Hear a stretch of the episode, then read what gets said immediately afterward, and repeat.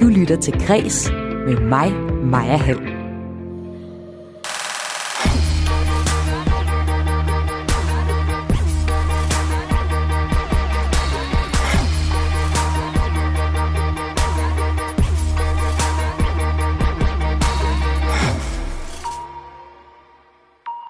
Hvem er bedst til at lave teater til unge?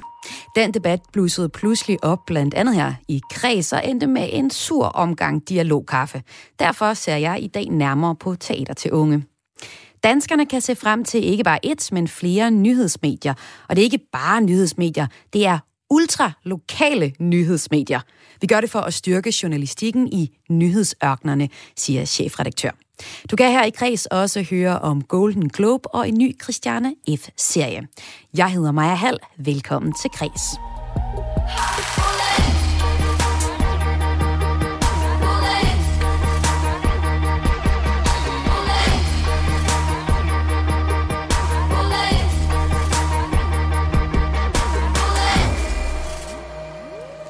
Midt i en tid, hvor ingen kan gå i teateret, er der opstået en øh, ophedet debat om, hvem der er bedst til at lave teater til unge.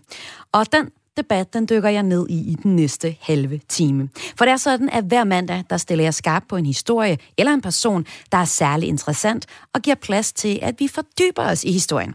Og i dag, der skal det altså handle om at få de unge i teateret.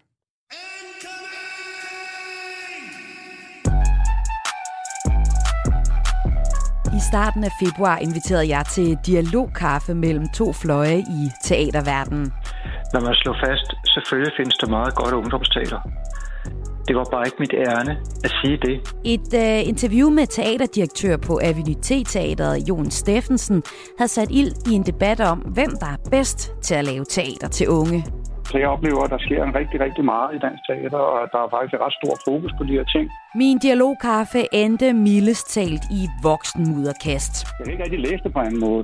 Og det er sgu ikke, fordi jeg ikke vil. Altså, øh, men men, men det, det er jeg selvfølgelig ked af. Okay, lad mig, lad mig, Men, lad jeg- mig, jeg- sige noget. så, du siger? Lad mig, lad Nu mig skruer jeg lige ned, for det jeg er begge to. Er dansk ungdomsteater fanget i 1800-tallet? Og er det godt nok at kaste en flok gymnasieelever på scenen og kalde det for ungdomsteater?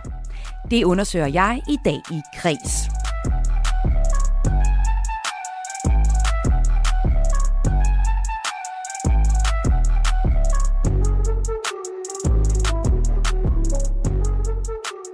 Og med mig her i Kreds den næste halve time er du, Rie Hammer. Velkommen til dig. Tak skal du have. Du har fulgt teaterdebatten, både som chefredaktør på I Scene, der dækker teater og teaterbranchen, men du er også medlem af Røgmort Juryen, og så er du formand for Danske Teaterjournalister. Og så er du også teaternørd. Og øh, er, ungdomsteater er jo noget, det vi skal tale om i løbet af den næste halve time, og også sådan, øh, dit personlige engagement i det. Men hvad er egentlig din første oplevelse sådan med teateri? Jamen, jeg tror, min første oplevelse, det er, altså, jeg kan huske, fordi min mor var rigtig sød til at mig teater, det var, at jeg var på det lille teater. Der er et lille teater inde i København, et af de første børneteater, der ligesom sat små bænke op til børn, og så Noras Ark. Og jeg har altså ikke været særlig stor, og jeg kan stadig genkalde mig den der oplevelse af at blive fuldstændig overvældet. Altså, hvis jeg kunne fortælle om det der, jeg følte, det var sådan en surround, total teateroplevelse, og det er det helt sikkert ikke været. Når man kigger på det i dag, så er der sådan nogle små sort-hvide billeder og nogle hånddukker. Øh, men det var, det fuld, det overrummede mig fuldstændig, det der med, at man ser det, og så det vokset s- så ud af en. Altså hele den der kæmpe oplevelse, genereret af en selv i samme, samspil med det her nede på scenen. Det, og jeg huske, at vi var nødt til at blive der bagefter. Min mor måtte vise mig dukkerne, og vi måtte komme til skuespillerne, Nå. for jeg var helt i chok. Ej, jeg, var jeg tror også, min første og oplevelse var samme og- sted, faktisk. Hvad? Jeg tror, min oplevelse, det var præcis samme sted, da jeg var helt lille. Noras Ark. Nej, det var ikke været, og nu har sagt, det var sådan noget blomsten og ballonen, tror jeg, det var. Men jeg kan også tydeligt huske det, selvom jeg virkelig ikke har været særlig gammel. Det er vildt, hvordan at selv da man var helt lille, så kan en teateroplevelse faktisk godt være noget, man kan stå og huske her mange, mange år efter. Ja, jeg kan simpelthen genkalde oplevelsen. Og så Ja. har vi jeg har været, været på teaterfestival siden. Min mor var nu bare skolelærer, men hun var meget sød til altid tage. Så jeg har, altså jeg synes, teater har været magisk hele mit liv, det må jeg sige. Og da jeg var ung, så sparede jeg alle mine penge sammen til, til teateret altid. Så jeg, jeg har virkelig, Skulle du, jeg troede, ja, der Rie, skulle du så egentlig ind og se ungdomsteater, eller var det bare teater i det hele taget, da du var teenager? Jeg tror bare, jeg så alt, hvad jeg overhovedet kunne, komme nærheden af. Det er også der, at Dr. Dante kom igennem og er op på Mongo Park, hedder det nu, men det hed mm. Allerød Teater dengang. Så det var jo ungdomsteater, kan man sige. Det var helt fantastisk. Jeg var lidt heldig, der var sådan fuldt med tiden, der var jeg boede, i forhold til min alder. Og det er jo noget af det, vi skal tale om den næste halve time. Det er det her med ja. teater til unge, eller ungdomsteater, eller ja. Unge, der spiller for unge. Hvad er egentlig det rigtige, og hvem er bedst til at lave teater til unge?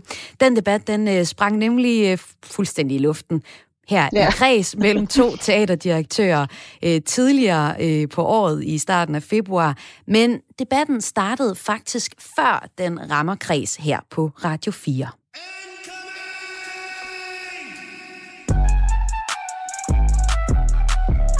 Forsiden af politikens kultursektion mandag den 8. februar har et stort billede af Jon Steffensen set fra siden på forsiden.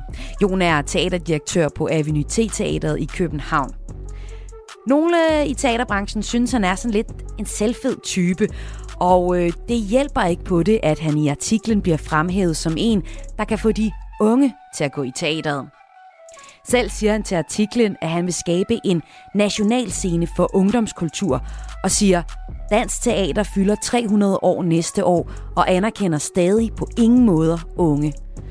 Og så følger han altså op med at sige, at Dansk Ungdomsteater er fanget i 1800-tallet. Det falder flere andre teaterdirektører for brystet, og skaber en ret stor debat på Facebook. For eksempel skriver kunstnerisk leder på Glad Teater, Lars Werner Thomsen, Jons usmagelige måde at iscenesætte sig selv på er et tydeligt bevis på en ukompetent teaterchef. Og han supplerer i sin besked med et... Uh... Just like Trump, out of reach. Tidligere chef for Fredericia Teater Søren Møller blander sig også i debatten på Facebook. Jeg blev sgu også stødt på alle mulige dygtige kollegers vegne, der kompetent knokler for og med teater for unge.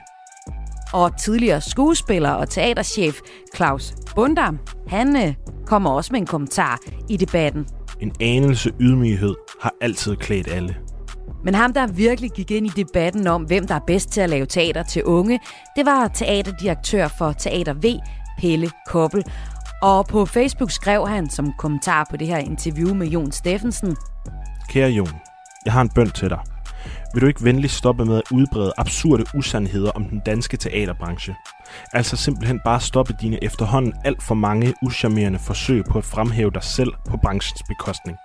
Og ikke mindst stoppe med at udtale dig i vi-form, når du taler om ting, der omfatter mig som en del af denne branche. Ja, den er slem, ikke? Derfor inviterede jeg de to teaterdirektører på virtuel dialogkaffe her i Kreds.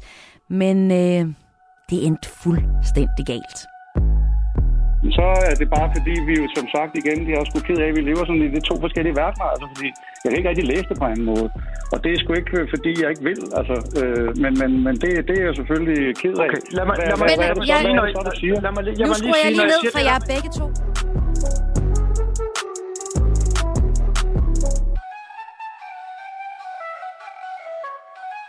Ja, Rie Hammer, chefredaktør på I Scene. Jeg er blevet nødt til at skrue ned for øh, dialogkaffen her i, i radioen.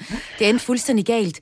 Øh, da du begynder at følge den her debat mellem øh, Ja, der er jo flere fløje, ikke? Nu hører vi primært dem, der er ude efter Jon Steffensen og er sure over det, han siger til politikken, men der er jo lige så mange, der, der faktisk bakker Jon op og siger, han har fuldstændig ret i, at øh, dansk teater er alt for ringe til at nå ud til, til unge. Men, men den her debat, den begynder at, at pible op, særligt på sociale medier. Hvad, hvad får det til at, dig til at føle som, øh, som teaternørd, Rie Hammer? som teaternørd, som teaternørd, jeg synes, det er super ærgerligt. Jeg synes, det er ja. super ærgerligt, at, øh, jeg synes, det er jo Jon går ud og siger det her på den måde. Men man kan sige, det er jo en, en øh, fordi det ikke, altså der, det er dansk teater, har meget ungdomsteater, og der er mange aspekter i det, og mange muligheder, og mange ting i det. Og Men er det ikke fint nok at måde. tale om, at man kan gøre det bedre, som vel egentlig er det, Jon det prøver at sige? Det er så fint, at, jo, det synes jeg er fint at gå ud og sige. Altså det er jo en gammel traver, Jon, han har, han har sagt siden 2017, kommer han første gang igennem og siger, at teatret svigtede de unge i gymnasieskolen, og det siger han så op igennem også i politikken i 2017, Dansk Teater svigtede nogen generation, hvor han også får lov at sige det. Han siger det på Aprilfestivalen i Jørgen, han siger det på, jeg modererer mig også til debat på Kulturmødet for i år, hvor han er med. Og så siger han det så nu i politikken, ikke? så man kan sige, det er jo ikke første gang, at Jo siger det her. Øhm, Har du talt med Jon om det? Jeg har været også det, det, haft modereret en debat på kulturmødet på Mors forrige år, der lige, ja, hvor det var kulturmødet. Og kan og du se hans pointe? Jon er knalddygtig mm. til at lave øh, ungdomsteater. Mm. Altså, hans skamsag er super god. Han har lavet et nyt tiltag, der hedder House of Tea, hvor han lader unge komme ind og, og prøve kræfter med unge nyuddannede og sådan noget skide godt øh, tiltag. Og det er fedt, han skal lave et stort ungdomsteaterhus nu. Det er, det er simpelthen så fedt. Og, og der er blik for det, og, og lave en nationalscene for ungdomsteater, det er en meget god idé. Der er bare mange andre, der også gør det. Mm. Og der er rigtig mange, der gør det, og de gør det rigtig godt, og de har gjort det i overvis gjort det i årtier, at der lavet super godt ungdomsteater i Danmark. I hele Danmark, for en kæmpe ramme. Altså, bare i år tilbydes det 93 forskellige ungdomsforestillinger om teatrene, og, som publikum kan komme og se. Ikke? Altså, så, altså Rie, altså nu kan jeg jo høre, at du er egentlig chefredaktør på Iscene og øh, dækker øh, teater jo egentlig så upartisk, som man kan. Men jeg kan høre, du, du har også nogle følelser øh, inde i, i den her debat. Hvorfor er der så mange følelser på spil om, hvem der kan finde ud af at lave teater til unge? Jamen, jeg følelser, det handler jo også om, kan man sige, altså dels tror jeg, man er, hvis du skal være i den her branche, så skal du være passioneret for det. Du skal ja. elske det helt vildt højt. Du bliver ikke stor og fed af det. Øh, så det tror jeg, alle er, både anbillere og, og, og kunstnere. Vi bruger hele vores liv på det, enten vi sidder på den ene side af scenen eller på den anden side af scenen. Så det er passioneret fra alle sider. Og det er de også dem, der er med, og det er Pelle og Jon jo også, når de skal diskutere hos dig. Men det handler også om penge. Ja. Og det handler om, øh, for der er ikke mange penge i den her branche øh, og der er ikke mange penge til alle. Øh, og, og det gælder om at, at få politikerne, kan man sige, i øjenhøjde, eller at få tale i dem i tale, så du kan få de her penge også til dine ting. Og når Jon kan sige politikken, eller hvis politikken bringer den historie, eller et andet stort medie, altså medierne begynder at have den her fortælling, for der er mange, der har det om, at der kun er et sted, øh, der bliver lavet rigtigt ungdomsteater, eller godt teatersteater, jamen så kan man da godt forestille sig, at de næste gang, der skal deles midler ud, tænker, at der er, det er det sted, der er, fordi politikere går jo ikke nå at se alle forestillinger over hele landet og holde sig i sure med alt, hvad der sker. Så derfor øh, er det vigtigt, øh, kan man sige, at få den historie igennem, hvis man godt vil have nogle af de midler, der er til rådighed, og det er få midler. Øh, øh, og derfor synes jeg, det er ærgerligt, at det bliver dækket på denne her måde, at der ikke øh, bliver gået lidt øh, tilbage fra journalisternes side, eller fra mediernes side, og siger, at ja, men det er en knaldgod idé, du har, du gør det skide godt, jo, for det er der ingen tvivl om. Men hvad med alle de andre, der også gør det? For mm. det er der også nogen, der gør. Øh, eller ikke nogen, der er rigtig mange. Som sagt er der 93 børn forestillinger i år, forestillinger. Ikke? Ja, og det er jo så også noget af det, der er, at vi skal tale om lidt senere, det der med ungdomsforestillinger. Ikke? Fordi labler du et, øh, kalder du et stykke for ungdomsforestillinger, er der så nogle penge at, at hente, og kan man så lige pludselig sige, når men, øh, vi var særlig gode til at få unge ind, fordi der var så så mange, der så vores ungdomsforestilling, eller handler det bare om at få øh, folk i teateret? Det, øh, det vender vi tilbage til øh, senere i programmet. Men jeg skal også lige høre dig, altså Rie Hammer. Hvorfor er det egentlig, det er så vigtigt at få netop de unge i teateret, i, ifølge din, øh, ja, ifølge dig? Jeg ved ikke, om det er mere vigtigt at få de unge i teatret, end at få børn i teatret, eller få ældre i teatret. Altså, det, jeg synes, det er en kunstart. Nu jeg ser, altså jeg vil sige helt personligt, kan jeg enormt godt lide børneteater og ungdomsteater. Det har jeg altid kunnet. Ja. Øh, jeg synes, det, det er fedt. Øh, det er fedt at sidde og se og opleve de her unge øh, når de ser teateret. Jeg synes, teateret er en kunstart, der kan noget helt unikt. Der står de her mennesker på scenen. Det er rigtige kroppe, der mødes, og selvom de spiller nogle roller. Øh, det er i interaktion med, når folk griner, så sker der noget på scenen, og det kan man mærke. Øh, det er et helt særlig måde at være sammen om at skabe en historie på. Og det kan de unge også mærke. Altså jeg har også, når man, de her ungdomsforestillinger fungerer, man kan mærke, at det sætter sig i kroppen et helt andet sted. Og det åbner også op for nogle andre samtaler bagefter, øh, fordi det kan gå ind og sætte sig andre steder. Og det, det, det synes jeg er helt unikt at lade de unge, ligesom alle andre aldersgrupper, få lov at mærke det her øh, og opleve det. Og, og sætte gang i nogle andre samtaler, simpelthen fordi kunstarten går ind og arbejder et andet sted. Kan du og komme med et konkret eksempel, hvor du øh, har haft unge med i teatret, og det har givet dem noget mere? Øhm, jeg ved ikke om, altså jeg har haft unge med, men jeg kan, ja, det har jeg også nogle gange, men jeg kan jo også se, når, når de unge kommer ind, øhm, hvis vi skal tage fat i den her sidste forestilling af Jons øh, Skam-trilogi, der er med, hvor de to øh, drenge bliver kærester og blev bøsser, hvor at den aften, jeg var inde og se, det var det en masse unge, der ikke umiddelbart øh, virkede som om, de så en masse teater, og de var meget urolige i starten, og, og, og fnisede og larmede og sådan noget, men altså hvordan man kan se dem på scenen, bare to rummet, fik dem til at, at slappe af og være med i historien, og, og, og når de så begyndte at kysse, altså det gibbede simpelthen næsten de her unge, øh, og jeg mener, vi ser jo ret meget på medier ellers, altså det går ind et helt andet sted, og, og hvordan der er nogen blev rolig, hvordan de på scenen kunne ligesom få dem til at være lidt med igen og blive tiltrukket af det her, altså hvordan hele det her rum er samlet som den her fortælling. Øh, og jeg kunne høre folk bagefter snakke meget om det, og jeg var nede på altså også Teater Fairplay og se en forestilling i Skovens dybe stille ro, der handlede om en 13-årig pige, der havde taget sit eget liv og var baseret på hendes øh, dagbog. Øh, og hvor stærkt det blev, altså at de sad i rummet og, og hørte den her skuespiller for, fortælle fra den her dagbog øh, sammen med noget musik. Altså man kan simpelthen se deres kroppe, hvordan det sætter sig på en anden måde, og, øhm, og høre dem stå og snakke om den forestilling bagefter. Det var meget, meget rørende og meget intenst, og det, det synes jeg, de oplevelser for at åbne op blandt andet for nogle nye følelser i en selv, og også nogle nye samtaler er helt unikt for teatret at give videre.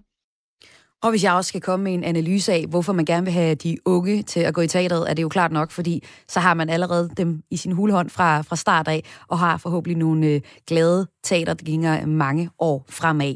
Og det ja, er altså unge i teatret, som vi taler om i øh, dag i Kreds. Der har været en debat om, hvem der er bedst til at få unge i teatret. Hvis vi kigger på en øh, optælling fra Zenit, så er antallet af solgte billetter til unge i København steget stødt siden 2010, og samme tendens ser man på flere jyske teatre. Du lytter til Græs med mig, Maja Hall. Og i dag her i Græs, der dykker jeg ned i debatten om, hvem der er bedst, eller hvem der i hvert fald kan, fa- kan få fat i de unge og lokke dem i teateret. Det øh, gør jeg, fordi øh, den 10. februar, der tog vi fat i debatten, øh, som var blusset op på de sociale medier efter en artikel i Politiken. Og øh, her i Græs, der endte debatten fuldstændig noget skud og mudder. Men øh, nu lader vi lige den skud og mudder kaffedialog, jeg forsøgte at lave i Kreds, være den. Vi lader teaterdirektører være teaterdirektør, og så øh, skal jeg sammen med Ria Hammer nu prøve at tegne et realistisk billede af, hvordan det egentlig går på den danske ungdomsscene. På det lille værelse over for sushi-restauranten. Der, hvor der står et fuglebur i vindueskarmen. Trækker den unge mand dynen op over hovedet. Det er, jo, det, er jo, det er jo ikke til at holde ud og høre på. Ti stille. Hold kæft. Hold så kæft, sagde jeg. Hold så kæft! Det her det er et klip fra forestillingen OMG øh, fra teateret Opgang 2. Og øh, et ret godt eksempel på et teaterstykke, der i hvert fald i øh, navnet på teaterstykket gerne vil invitere unge ind. Altså det hedder OMG Oh My God. Det er vigtigt at smile til kunden. Det er faktisk ret svært at smile, så det ser ægte ud. Det er ikke kun munden, man skal bruge. Øjnene skal også være med. Hvis det kun er munden, der smiler, ligner man et rovdyr. Men er det nok at kalde et teaterstykke øh, et flittigt brugt udtryk blandt unge, altså OMG, eller at invitere unge på scenen og lave teater til andre unge? Det skal vi prøve at kigge på nu.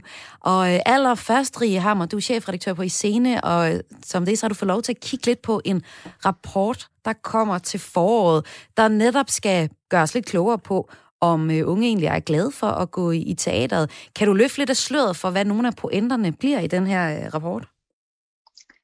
Ja, altså jeg vil lige gøre klart, det, det er ikke mig, der har lavet rapporten. Det er Teater Cebus øh, i forbindelse med en ungdomsfestival. De havde, at den her rapport blev lavet. Øh, og så har jeg bare fået lov at høre lidt om den, mm. øh, og den kommer her i foråret. Altså det, noget af det interessante er, at den peger på, det er for eksempel, at de unge vil gerne, øh, altså de vil gerne se teater. Om det så er ungdoms- eller voksenteater, det, øh, de vil godt blive ramt og bevæget og revet med af det sine kunstneriske udtryk. Og, øh, og det er jo rigtig fedt, at de faktisk se teater. Øh, og så er der sådan nogle helt hands ting, at de, øh, de vil for eksempel ikke tales ned til. Øh, de, de vil ikke belæres. Øh, de vil gerne se en forestilling, der rammer dem og behandler temaer, og de vil gerne genkende sig selv. Men de kan godt synes, det er sådan et tokrummende, hvis de voksne prøver at få meget unge med de unge selv. Så det kan man sige, hvis man har et teater, der skal lave det, kan man lige have det i mente. Hmm. Øh, og så vil de gerne mødes og inddrages i forestillingen. Øhm, så, øh, så, så det, der ligesom peger på, at de, de unge vil faktisk godt til teater. Og man kan sige, det viser alle undersøgelser jo også, og, de, og det med de gerne vil, øh, også til voksenteater, det er jo også, at altså for eksempel den der øh, Erasmus Montanus, der spillede på Aarhus Teater i 2017, der var faktisk øh, solgt, jeg tror lidt over en tredjedel af billetterne var solgt til unge billetter.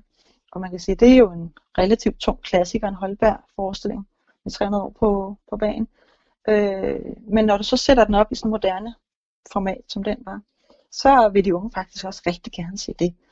Så man kan sige, det, de unge vil rigtig godt se godt teater, tænker jeg lidt er noget af konklusionen også her. Og øh, jeg har gravet lidt frem i historien for at se på, mm-hmm. og hvor meget øh, unge egentlig har været i teateret. Øh, fordi det er der faktisk rigtig god øh, tradition for. Dansk skolescene blev oprettet i øh, 1924. Det er jo lang tid siden, og her begyndte børn at komme i teateret for at se de store klassikere. Initiativet det måtte så lukke i øh, 1968. Det gjorde så bare, at øh, der opstod en masse små, nye børneteatre, der lod sig inspirere af ungdomsoprøret, og øh, med det erklærede formål at bringe kunsten ud, hvor børnene havde deres dagligdag, så på den måde så begyndte teateret også at komme ud til skoler, biblioteker og institutioner. Og jeg kan i hvert fald huske, at jeg har set øh, teater ude på min skole. Gennem tiden så har øh, teateret øh, været skarpt målrettet unge. Der levet øh, blandt teater, der tager ud og, og laver opvisninger på skoler. Men der er også masser af forestillinger, hvor unge selv tager ind og ser det. Har vi allerede hørt et par stykker om nu. Og her til foråret, der bliver Aprilfestivalen afholdt. Her der bliver, øh, der bliver simpelthen øh, hyldet og dyrket børne- og ungdomsteater i Danmark. Og det er en festival, som hver år flytter rundt i landet for at give teateroplevelser til børn og unge. Og de har altså helt specifikt et teaterstykke til alle i alders aldersgruppen. Så man kan sige, at unge har gennem tiden set masser af teater. Altså det er jo alt fra musicals som Hair, Fame, Grease, til børn og unge, der har set Skatteøen, Peter Pan, Tarzan. Og så er der nogle af de nye opsætninger, hvor man for eksempel kan nævne Gerdas rejse fra Teater Refleksion, der i 2017 vandt en røgmer i kategorien Årets børne- og ungdomsfortælling. Og Rihammer, du kan sikkert uh, supplere med, med ungdomsteater, som, uh, som vi ser masser af nu, og teater til unge. Ja. Der er masser altså, der af dem. Undskyld, du har her. Ja. Der er masser af dem, ikke sandt, Rim? Jo, der er simpelthen et rigtig stort udbud, øh, og det, det er også det, jeg synes, det er interessant at holde et blik for, det er, at ungdomsteateret er jo alsidigt. Og det, der har vi lige fra dokumentarteatret, der dykker ned i, øh, man kan sige, øh, sagen for eksempel om Kunby-pigen, hende pigen, der var ved at lave en bombe og springe sin skolestykker. Der kom faktisk to forestillinger om den her øh, forrige sæson. Den første dråbe blod på Teater Fairplay, og så kom der også en pige med bomberne øh, fra TV2 om, øh, eller opgang 2 Mongo Park. Og så man går ind i og siger, altså sådan helt dokumentarisk, går ind i den her sag, hvad er det, der sker? Der er den her dagbog fra i skovens dybe stille ro, om en 13-årig pige, der begår selvmord, desværre en rigtig historie. Øh, der er masser af ungdomsteater, der er så masser af andre tiltag, baseres på bøger. Vi havde et mærkeligt skib på Teater Vestvolden i Hvidovre, baseret på Anita Krumbachs roman med en dreng, der øh, ikke har det godt i sin egen familie, og så søger han over hos sin vens familie, og kan slet ikke finde ud af at navigere i det her, fordi han vil være en del af, vennens familie. Super flot fortalt, helt enkelt monolog, men med sådan et øh, digitalt bagtæppe, kan man sige, hvor han spillede op imod. Der er dig og mig ved daggry, som øh, også var en drømmert, øh, også baseret på en ungdomsbog, og som faktisk blev lavet i en digital Zoom-version, her da coronakrisen ramte første gang, hvor at så Teater Nordkraft lynhurtigt skolede om og sagde, shit, vi kan ikke spille forestilling, skolerne vil gerne have den her forestilling, de spurgte nemlig skolerne. Yes, vi vil gerne købe den, til skolerne. Og på en uge, så skyndte de sig at lave den om til sådan en Zoom-version. Mega godt lavet. Altså, du ved, rykket lynhurtigt, ikke? I forhold til, hvor er de unge nu? Hvad kan vi gøre? Øh, Polly og Storm har lige spillet, den var også baseret på bogen, Tag, mig, tag gaden tilbage. Der er en masse forestillinger om, om at være ung netop nu. Der var eksplosioner på Teater Masken, der faktisk var baseret på unges egne udsagn. Netop det, Jon efterspørger også i sin artikel, vi vil have de unge til at fortælle om at være ung. Ja, det vil vi godt, og det bliver der gjort masser af steder. Blandt andet den her, hvor man havde snakket med en masse unge, øh, stillet nogle spørgsmål, holdt nogle workshops, hvordan er det at være ung, hvad er det for en udfordring, I har i skolen, øh, det er nede på Falster, hvad... og det var så blevet samlet til en forestilling, og brugt en masse også digitale scenografi, vanvittigt velfungerende, hvor at, øh, altså sådan en meget visuelt flot forestilling, talte om de unge ud fra de unges eget liv. Der er den der OMG, I lige har spillet et klip fra, øh, fra opgang 2. Øh, der er sådan en masse små slices, kan man sige, om at være ung i dag i mødet med en masse udfordringer. Der er en masse politisk teater. Der er jeg Silas for eksempel øh, fra Hils din mor, og Isa, øh, der er, handler om at være transseksuel. Teater Mærkværk har lavet Frontløberne, en klimaforestilling øh, om at gå for, så sådan smelter. Meget øh, kamppolitisk, hvor vi virkelig skulle øh, helt nærmest en 70'er-agtig front, meget frontagtigt. Operan ude på Holmen i år, kunne du se intet baseret på Jan Tellers roman. Kæmpe stor operaopsætning med unge, jeg tror der var 100 unge, der sang øh, på scenen sammen med professionelle sangere. Hele den moderne dansescene arbejder med unge. Black Box i Holstebro øh, havde lavet No Sex som krop og køn og nærhed. Der er Uppercut Dance ude i Nordvest, for eksempel, der havde lavet Der plejer at død. Det var sådan meget poetisk og mytisk, mystisk forestilling. Øh, øh, Love Your Second, der var sådan om øh, øh, Gunilla Lind Teater, der handlede om de her nye øh, virtuelle influencers, altså baseret på det, de her virtuelle influencers, for eksempel hende der lille Miguela, tror jeg hun hedder, jeg huske, hun hedder, øh, om de her digitale øh, influencers på nettet, og lavede en danseforestilling med afsæt i det. Hele den digitale teaterscene, hvor jo Pelle Koppel fra Teater V, I havde inden forleden dag, har lavet noget, der hedder Digidrama med Safe Space, live forestillinger, du tager hjem i din stue. Øh, Teater Nordkraft lavede dig og mig ved daggry til Okay, okay, okay, det, det er jo helt vildt. Rig, og det er bare fordi, der er så mange tiltag. Der er virkelig mange teaterstykker. Der unge tiltag. Der er festivaler. Altså, der, der, er, der er så meget forskelligt. Vi bliver ved. Men betyder det så, at de unge går i teateret, Rigehammer? Altså det, hvis man skal tro de billetting, der kommer fra Senet og fra Aarhus Teater, der lavede den der billigere end biffen her for nogle år siden, mm. et tiltag, der også kunne få unge til at gå i teater, der det steg jo øh, 40 procent at få unge i, i teatret, også hos dem, så man kan sige, det peger jo, de undersøgelser, der er, peger jo frem mod, at de unge faktisk godt vil i teatret og går i teatret. Hvorfor giver det så, så meget debat, når der er en, der siger, hey, vi skal huske at lave noget mere teater til unge? Øhm, Kunne man ikke bare være ligeglad med det, hvis man alle teaterne synes, de har fint styr på for de unge med? Hvorfor giver det så, hvorfor er der så, så mange teaterdirektører, der har lyst til at, at blande sig i debatten, når en enkelt teaterdirektør siger, hey, øh, vi burde øh, fokusere noget mere på teater til unge? Jamen, det er nok fordi, at der bliver fokuseret enormt meget på teater for unge, men det bliver ikke fokuseret i medierne på teater for unge. Og, og jo, Steffens får utrolig meget taletid, øh, og det, kan, det vil jeg ikke debattere, om han skal have ret til eller ej, i at fortælle, at han laver teater til unge. Men hvorfor får alle de her andre 97 forestillinger, hvorfor bliver der ikke skrevet om dem? Hvorfor kommer det nærmest bag på nogen, at der bliver lavet alt det her ungdomsteater? Det, det, det synes jeg faktisk godt, man kan sende tilbage til mediedækningen i Danmark og sige, hvorfor tager I det ikke alvorligt? Altså, hvor er jeres fagprofessionalisme i forhold til at styrke synligheden af dansk scenekunst på såvel ungdomsscenen som børneteaterscenen og mange andre dele, det frie, altså mange dele af scenekunsten i forhold til det.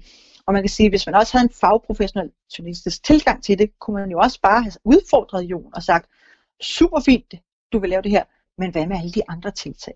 Og det, det er måske der, filmen lidt knækker, at, øh, at der er ikke en masse synlighed, der er ikke en masse debat af det her. Øh, I tager det op nu, det er blevet taget op af det her. Men, Men det er vel fordi, de unge, de hører jo ikke radio. De læser jo ikke avis. De er på de sociale medier, så skal teaterne ikke bare lave noget reklame, der hvor de unge er, på TikTok for eksempel? Det kunne sagtens være. Øh, det kunne sagtens være, at teaterne skal lave nogle anderledes reklame-ting, men, men der er jo også mange, kan man sige, mange unge, der kommer ind gennem skolerne, øh, og, og der kan man sige, at de skolerne skal jo også øh, høre om, hvad der rører sig, hvad sker Øh, politikerne skal også høre om, hvad der rører sig og sker, hvis der skal blive ved med at, at give penge til det her øh, område, kan man sige. Øh, så der er også mange voksne, der køber billetter stadigvæk til de unge. Øh, og det kunne godt være, det kunne være rigtig rart. De også vidste langt mere om, hvad der skete og rørte sig. Og hvis vi skal udvikle hele ungdomsteatret, er det jo også godt med nogle debatter. Bare se, hvad det her har sat i gang. Ikke? Ja, fordi det, du lytter til lige nu, øh, kære lytter, dig, der har tunet ind, det er en samtale om, om vi kan finde ud af at få de unge i teateret. Ria Hammer, chefredaktør på Iscene, har lige opremset en lang række af de forestillinger, der er derude til unge, og lige nu øh, sender unge i teateret, virtuelt for eksempel også. Men øh, vi har alligevel den her debat, fordi jeg for noget tid siden inviterede to øh, ret uenige teaterdirektører ind i studiet for at tage en samtale om, hvorfor de var så uenige. Og der kom ikke så meget ud af det på det tidspunkt, så derfor taler vi om, om øh, ungdomsteater har det godt eller skidt. Indtil videre her i radio lyder det jo til, at det har ret godt. Det er bare ikke så, har det ikke så godt med at komme ud på medierne endnu. En af dem, øh, der har været årsagen til debatten, det er Avenue T's øh, teaterdirektør, Jon Steffensen. Og han er blevet ret kendt, fordi han blandt andet har en, øh, haft forestillinger til øh, unge, der er blevet fortalt rigtig meget om i medierne, og blandt andet har han lavet teaterforestilling på den hyperpopulære norske ungdomsserie Skam.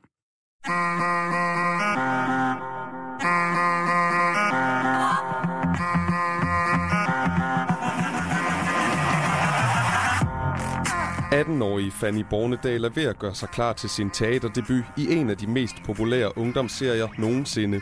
Om kort tid skal hun på scenen for første gang foran hundredvis af vilde og forventningsfulde publikummer. Men inden det hele går løs, skruer vi lige tiden nogle uger tilbage til der, hvor forberedelserne gik i gang. Og det her, det var et klip fra TV2 Lorry med øh, hovedpersonen fra Skam, og man må altså finde ud af, hvad der sker i den historie, ved at gå ind og finde det her klip med Skam 2, en opsætning altså på Avenue T. Og på den måde, så vender vi nu, Ria Hammer, tilbage til ham, der har fået os til at tale om ungdomsteater, og om hvem der er bedst til at få de unge i teateret. For øh, det er teaterdirektør ved Avenue T, Jon Steffensen, der opsatte den norske tv-serie Skam som teaterforestilling. Og dengang jo også med stor succes. Øh, blandt andet var der 70 øh, procent af de solgte billetter i 2019 til unge under 25 år på teateret her. Og vi havde også øh, Jon Steffensen inde i studiet til at forklare, hvorfor han mener, at man skal sætte endnu mere fokus på de unge. Det har han jo så blandt andet gjort ved at invitere øh, gymnasieelever til at stå på scenen, og øh, Rie Hammer, redaktør på Teatermagasinet i Scene, jeg har bedt dommer hjælpe mig med at analysere øh, ungdomsteaterbilledet lige nu her i 2021. Får man bedst de unge i teateret ved at sætte en flok gymnasieelever på de skråbrædder, ligesom øh, Jon Steffensen har gjort her? Øh, det det ved jeg ikke. Jeg, jeg tror, man er bedst for de unge øh, til at gå i teater, når man har godt teater, og man kan få de unge til at genkende sig selv i det, de ser. Øh, man kan sige, at den, der, øh, den undersøgelse, der er på vej nu fra Teater Sebo, peger på, at de unge ikke så gerne vil se en masse ældre og voksne stå og lege unge øh, teenager. Men man kan sige, hvis det ikke er godt, det de unge gymnasieelever laver på scenen, så tror jeg bare heller ikke på, at de unge har lyst til at komme. Hvis det er godt, så tror jeg godt, de vil komme. Så jeg tror faktisk, at de unge er lige så kvalitetsbevidste, og viser den her undersøgelse også lige så alsidigt interesseret i scenekunst, som også i de andre generationer. Så man behøver hverken at lave teater, som man var deklareret til unge, eller at putte unge ind i teateret nødvendigvis.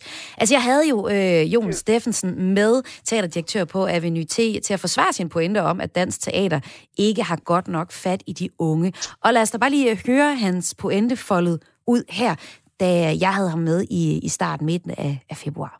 Lad mig slå fast, selvfølgelig findes der meget godt ungdomsteater. Det var bare ikke mit ærne. Unge har aldrig stået stærkere. De betyder mere, for de unge flytter verden lige nu. Og jeg synes også, de skal være med til at flytte teateret endnu mere. Det tror jeg, Pelle og jeg er fuldstændig enige om.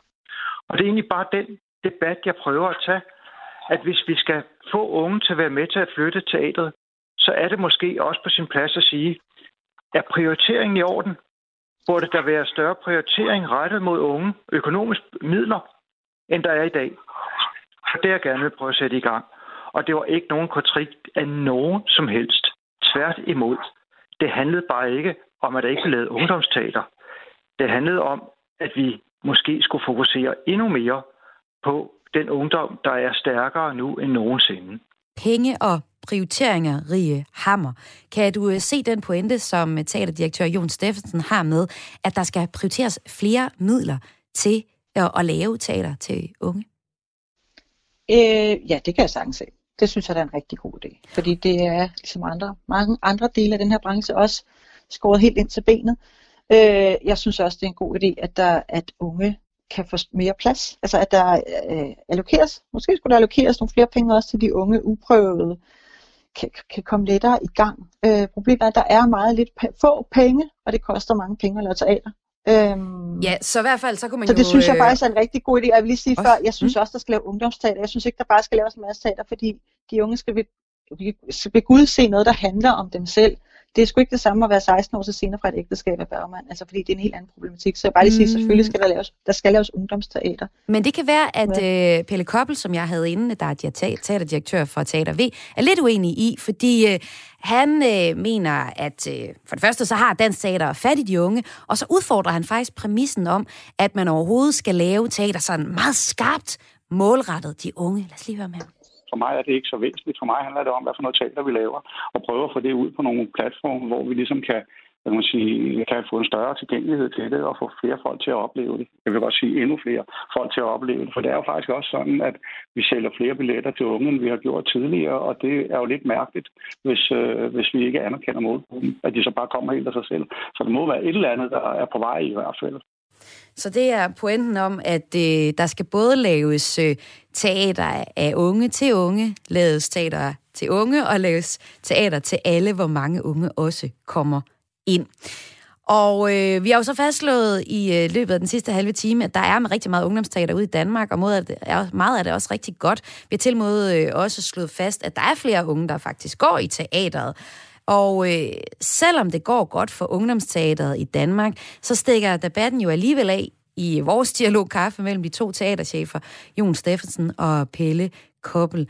Øhm, der er en pointe, som måske alligevel kan være meget interessant at slutte det hele på, og den kommer fra Jon Steffensen her. Vi står på skuldrene af hinanden. Men jeg synes, der er en fli i teaterets måde, en sandhed i hvert fald, i hvordan vi fastholder os i fortiden. Og kunne vi gøre det endnu bedre? Selvom debatten blev meget mudret, så har Jon Steffensen måske en pointe her. Han mener måske ikke, at teateret er fanget i 1800-tallet, men det er en fli. Men der måske er en af sandhed i det. Altså kan man ikke tolke hans citat her som, at han bare gerne vil sparke til branchen og, og gøre det endnu bedre?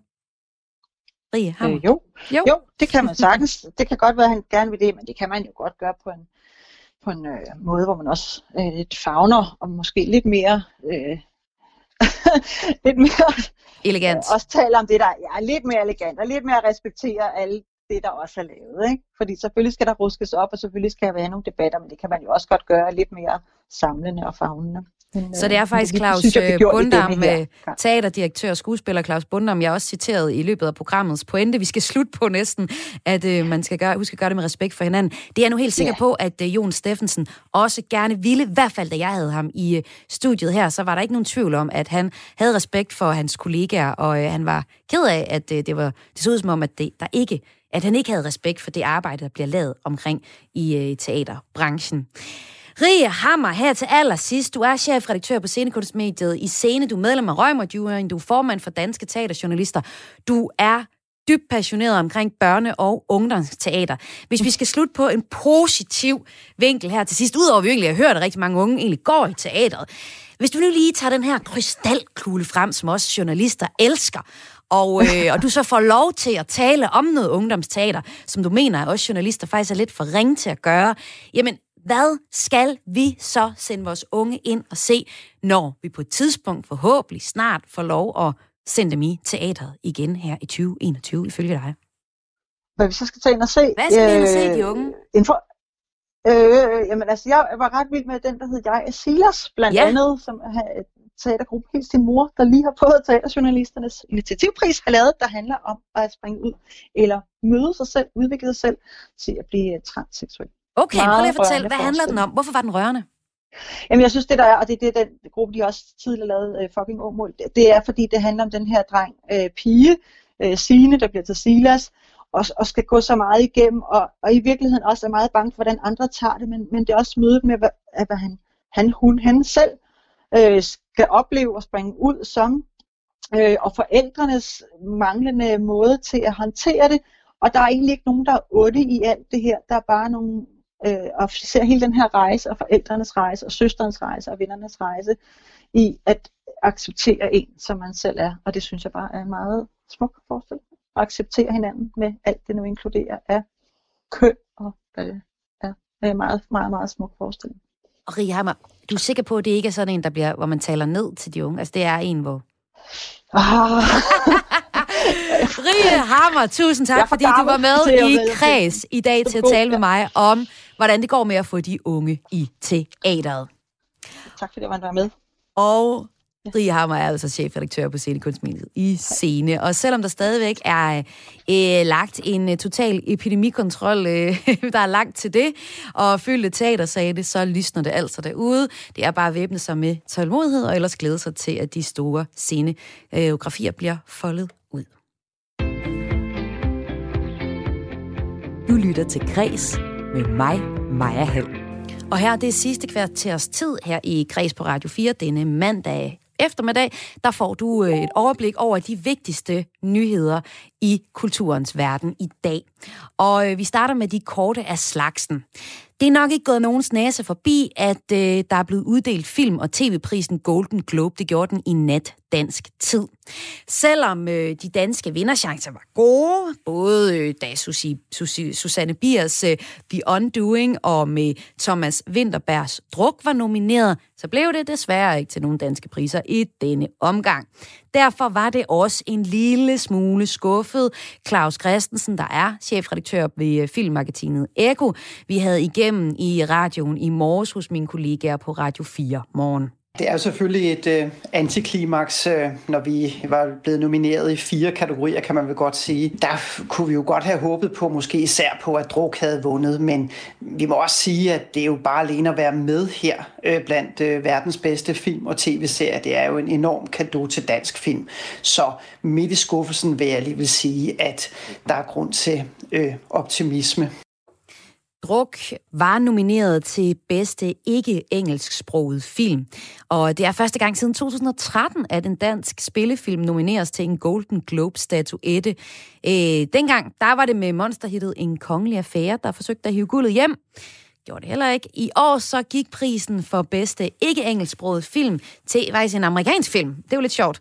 Øh, Minari hedder den. Den handler om en øh, sydkoreansk familie i USA, og stor del af handlingen foregår så på koreansk, og det er derfor, at den har fået lov til at ligge i den kategori. Øh, på den positive side, så er det ikke en film, der er i øh, samme kategori i Oscar-uddelingen, og vi kan måske så derfor krydse fingre for, at øh, Druk kunne få en Oscar. Susanne Biers uh, The Undoing var nomineret til fire priser.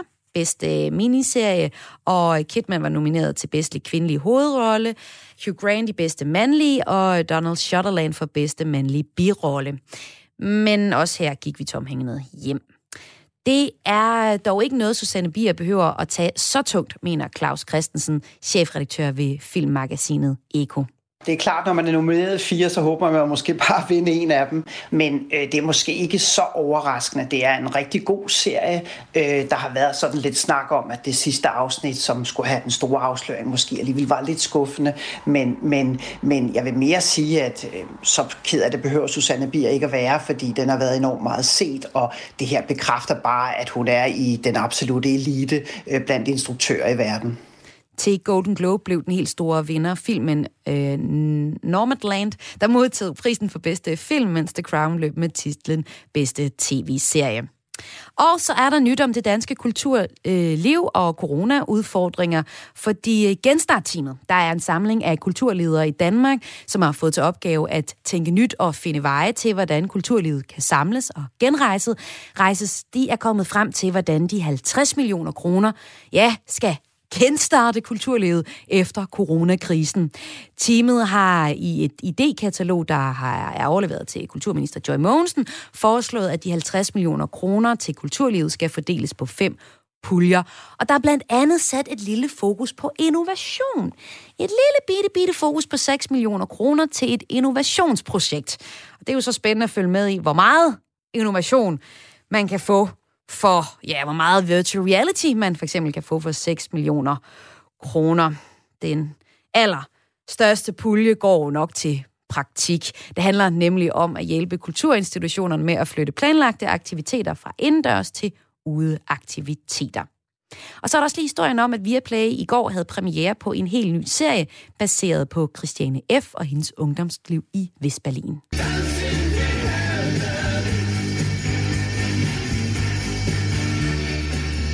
Og har du haft tysk i løbet af din skoleår, så øh, er der stor sandsynlighed for, at Christiane F's historie her har både fascineret og skræmt dig. Og udover at filmen Christiane F. fik David Bowie til at indspille Heroes her på tysk, Ja. Så fik filmen om Christiane F også kul status, efter at den havde premiere i 1981. Historien om den bare 12-årige narkoman Christiane, der i en alder af 14 år blev prostitueret sig selv for at få råd til heroin i gademiljøet i Berlin er vild, så øh, at Viaplay i går havde premiere på en helt ny serie baseret på Christiane F. og hendes ungdomsliv i Vestberlin, er garanteret også noget rigtig mange af jer godt kunne tænke jer at følge med i og se. Danskerne kan, og det er den sidste historie i dag her i Kreds, Danskerne kan se frem til ikke bare et, men flere nyhedsmedier. Og det er ikke bare nyhedsmedier, det er ultralokale nyhedsmedier. Jørgen Brock, velkommen til øh, Kreds her på øh, Radio 4. Mange tak. Du er chefredaktør på Jysk Fynske Medier, og det er Jysk Fynske Medier, Danmarks næststørste mediekoncern, der står bag det her nye projekt. Jysk Fynske Medier står blandt andet bag Avisen Danmark, også her på Radio 4, og dagbladet som for eksempel øh, Vejle Amts Folkeblad og mere end 60 lokalaviser. Og nu vil I altså lave flere. Jørgen, hvordan kan det være? Jamen, øh, det vil vi, fordi at, øh, fordi at vi tror på, at, øh, at øh, det er vigtigt for et lokalområde, et lokalområde, at der er stærke lokale medier. Og øh, derfor har vi jo, som du nævner, en stribe ugeaviser, og vi har 15 øh, dagblade. Men nu vil vi faktisk prøve at se, om ikke, øh, eller vi, vi, vi vil lave en stribe medier, der går ned i mindre markeder, altså i, i små lokalområder, bygge nogle digitale medier, der, der, kan, der kan hjælpe med at holde, øh, holde sammen på samfundet og holde, øh, holde det lokale samfund opdateret og øh, informeret om, hvad der sker øh, i, øh, i det nære. Og øh, hver fjerde lokale dagbladsredaktion og hver fjerde ugeavis er forsvundet de seneste år. Men øh, nu skyder Jysk Fynske Medier så 30 millioner kroner i de nye lokale medier. I første omgang så skal pengene række de første tre år.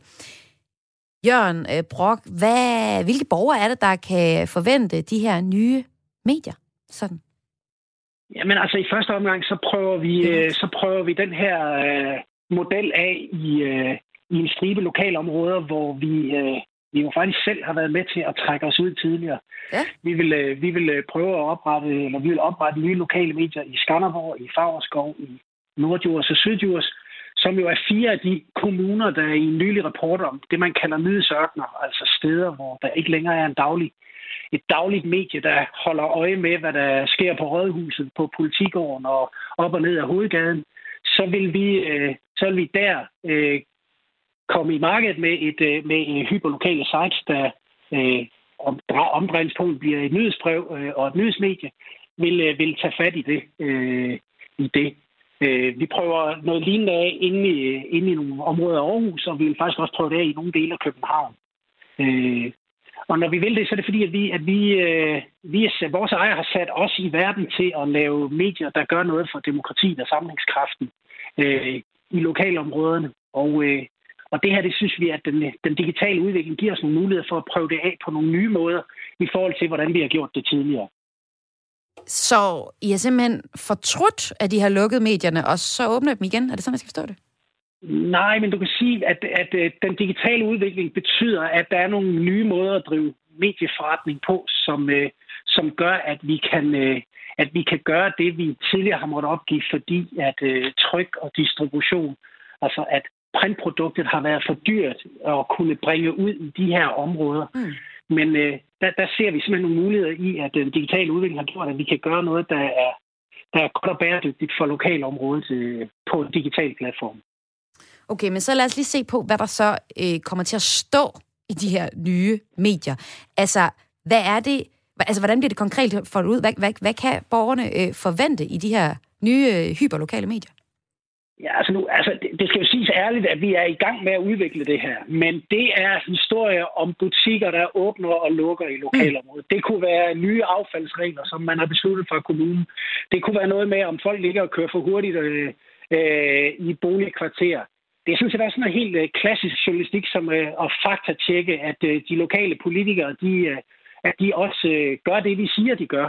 Mm. Øh, Øh, det, er, det er en helt klassisk formidling af, hvad sker der, øh, hvad sker der i det lokale kulturliv øh, øh, og idrætsliv. Så der er sådan set ikke noget... Altså, journalistikken er egentlig velkendt. Det er sådan set platformen og distributionsformen, der bliver, der bliver ny.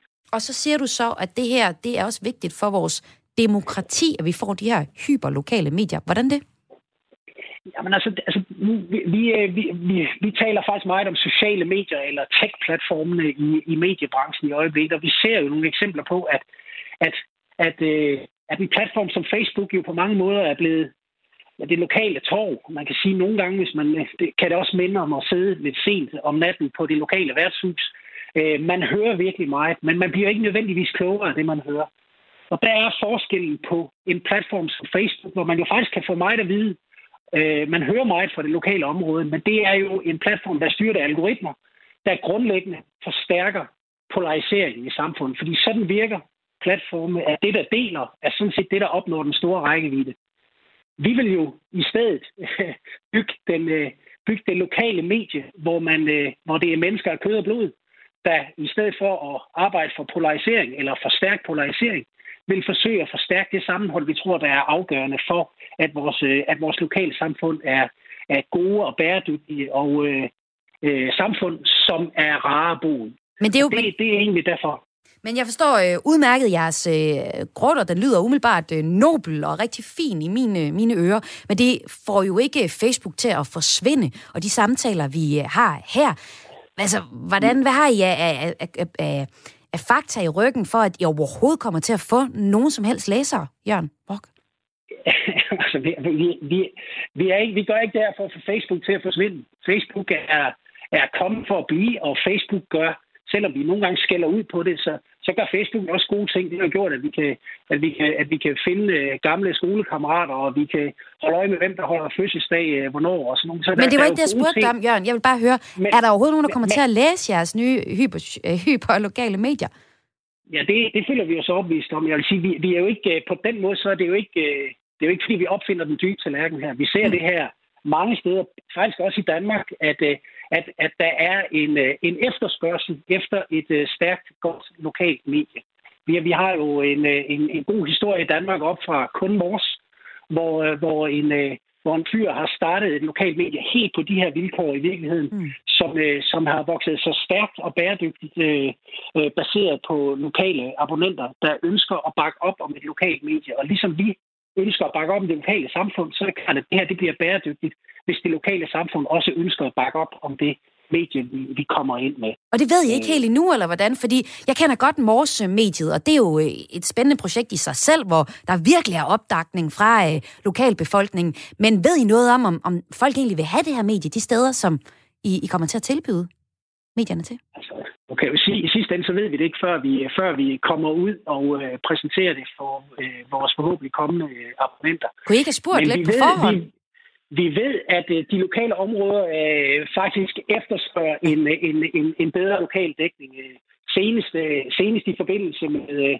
med en konference omkring nyhedsørkener, var, var både borgmesteren fra Skanderborg og borgmesteren fra, fra Nordjurs øh, på banen at sige, at, at, de jo faktisk, at de jo faktisk savner at der er et stærkt lokalt medie i deres, øh, i deres lokalsamfund, fordi de faktisk også tror på, at det i sidste ende gør godt at have et medie, der kigger blandt andet dem efter i korten. Øh, så jeg vil sige, at, at, at, at vi baserer det her på, hvad vi kan se virker andre steder, og, øh, og hvad vi ved fra vores egen dækning, at når vi er stærke i den helt lokale dækning, så bakker kunderne øh, godt op om det, og det er derfor, vi prøver det af i nogle markeder, hvor vi ikke er lige nu. Det bliver spændende, hvad de vender tilbage med. Du må ud og stemme nogle dørklokker, eller i hvert fald ud og, ringe lidt rundt til ja. nogle folk derude. Jeg skynder mig, jeg skynder mig afsted. det er godt. Jørgen Brock, tak fordi du var med her i Kreds på Radio 4. Ja, tak.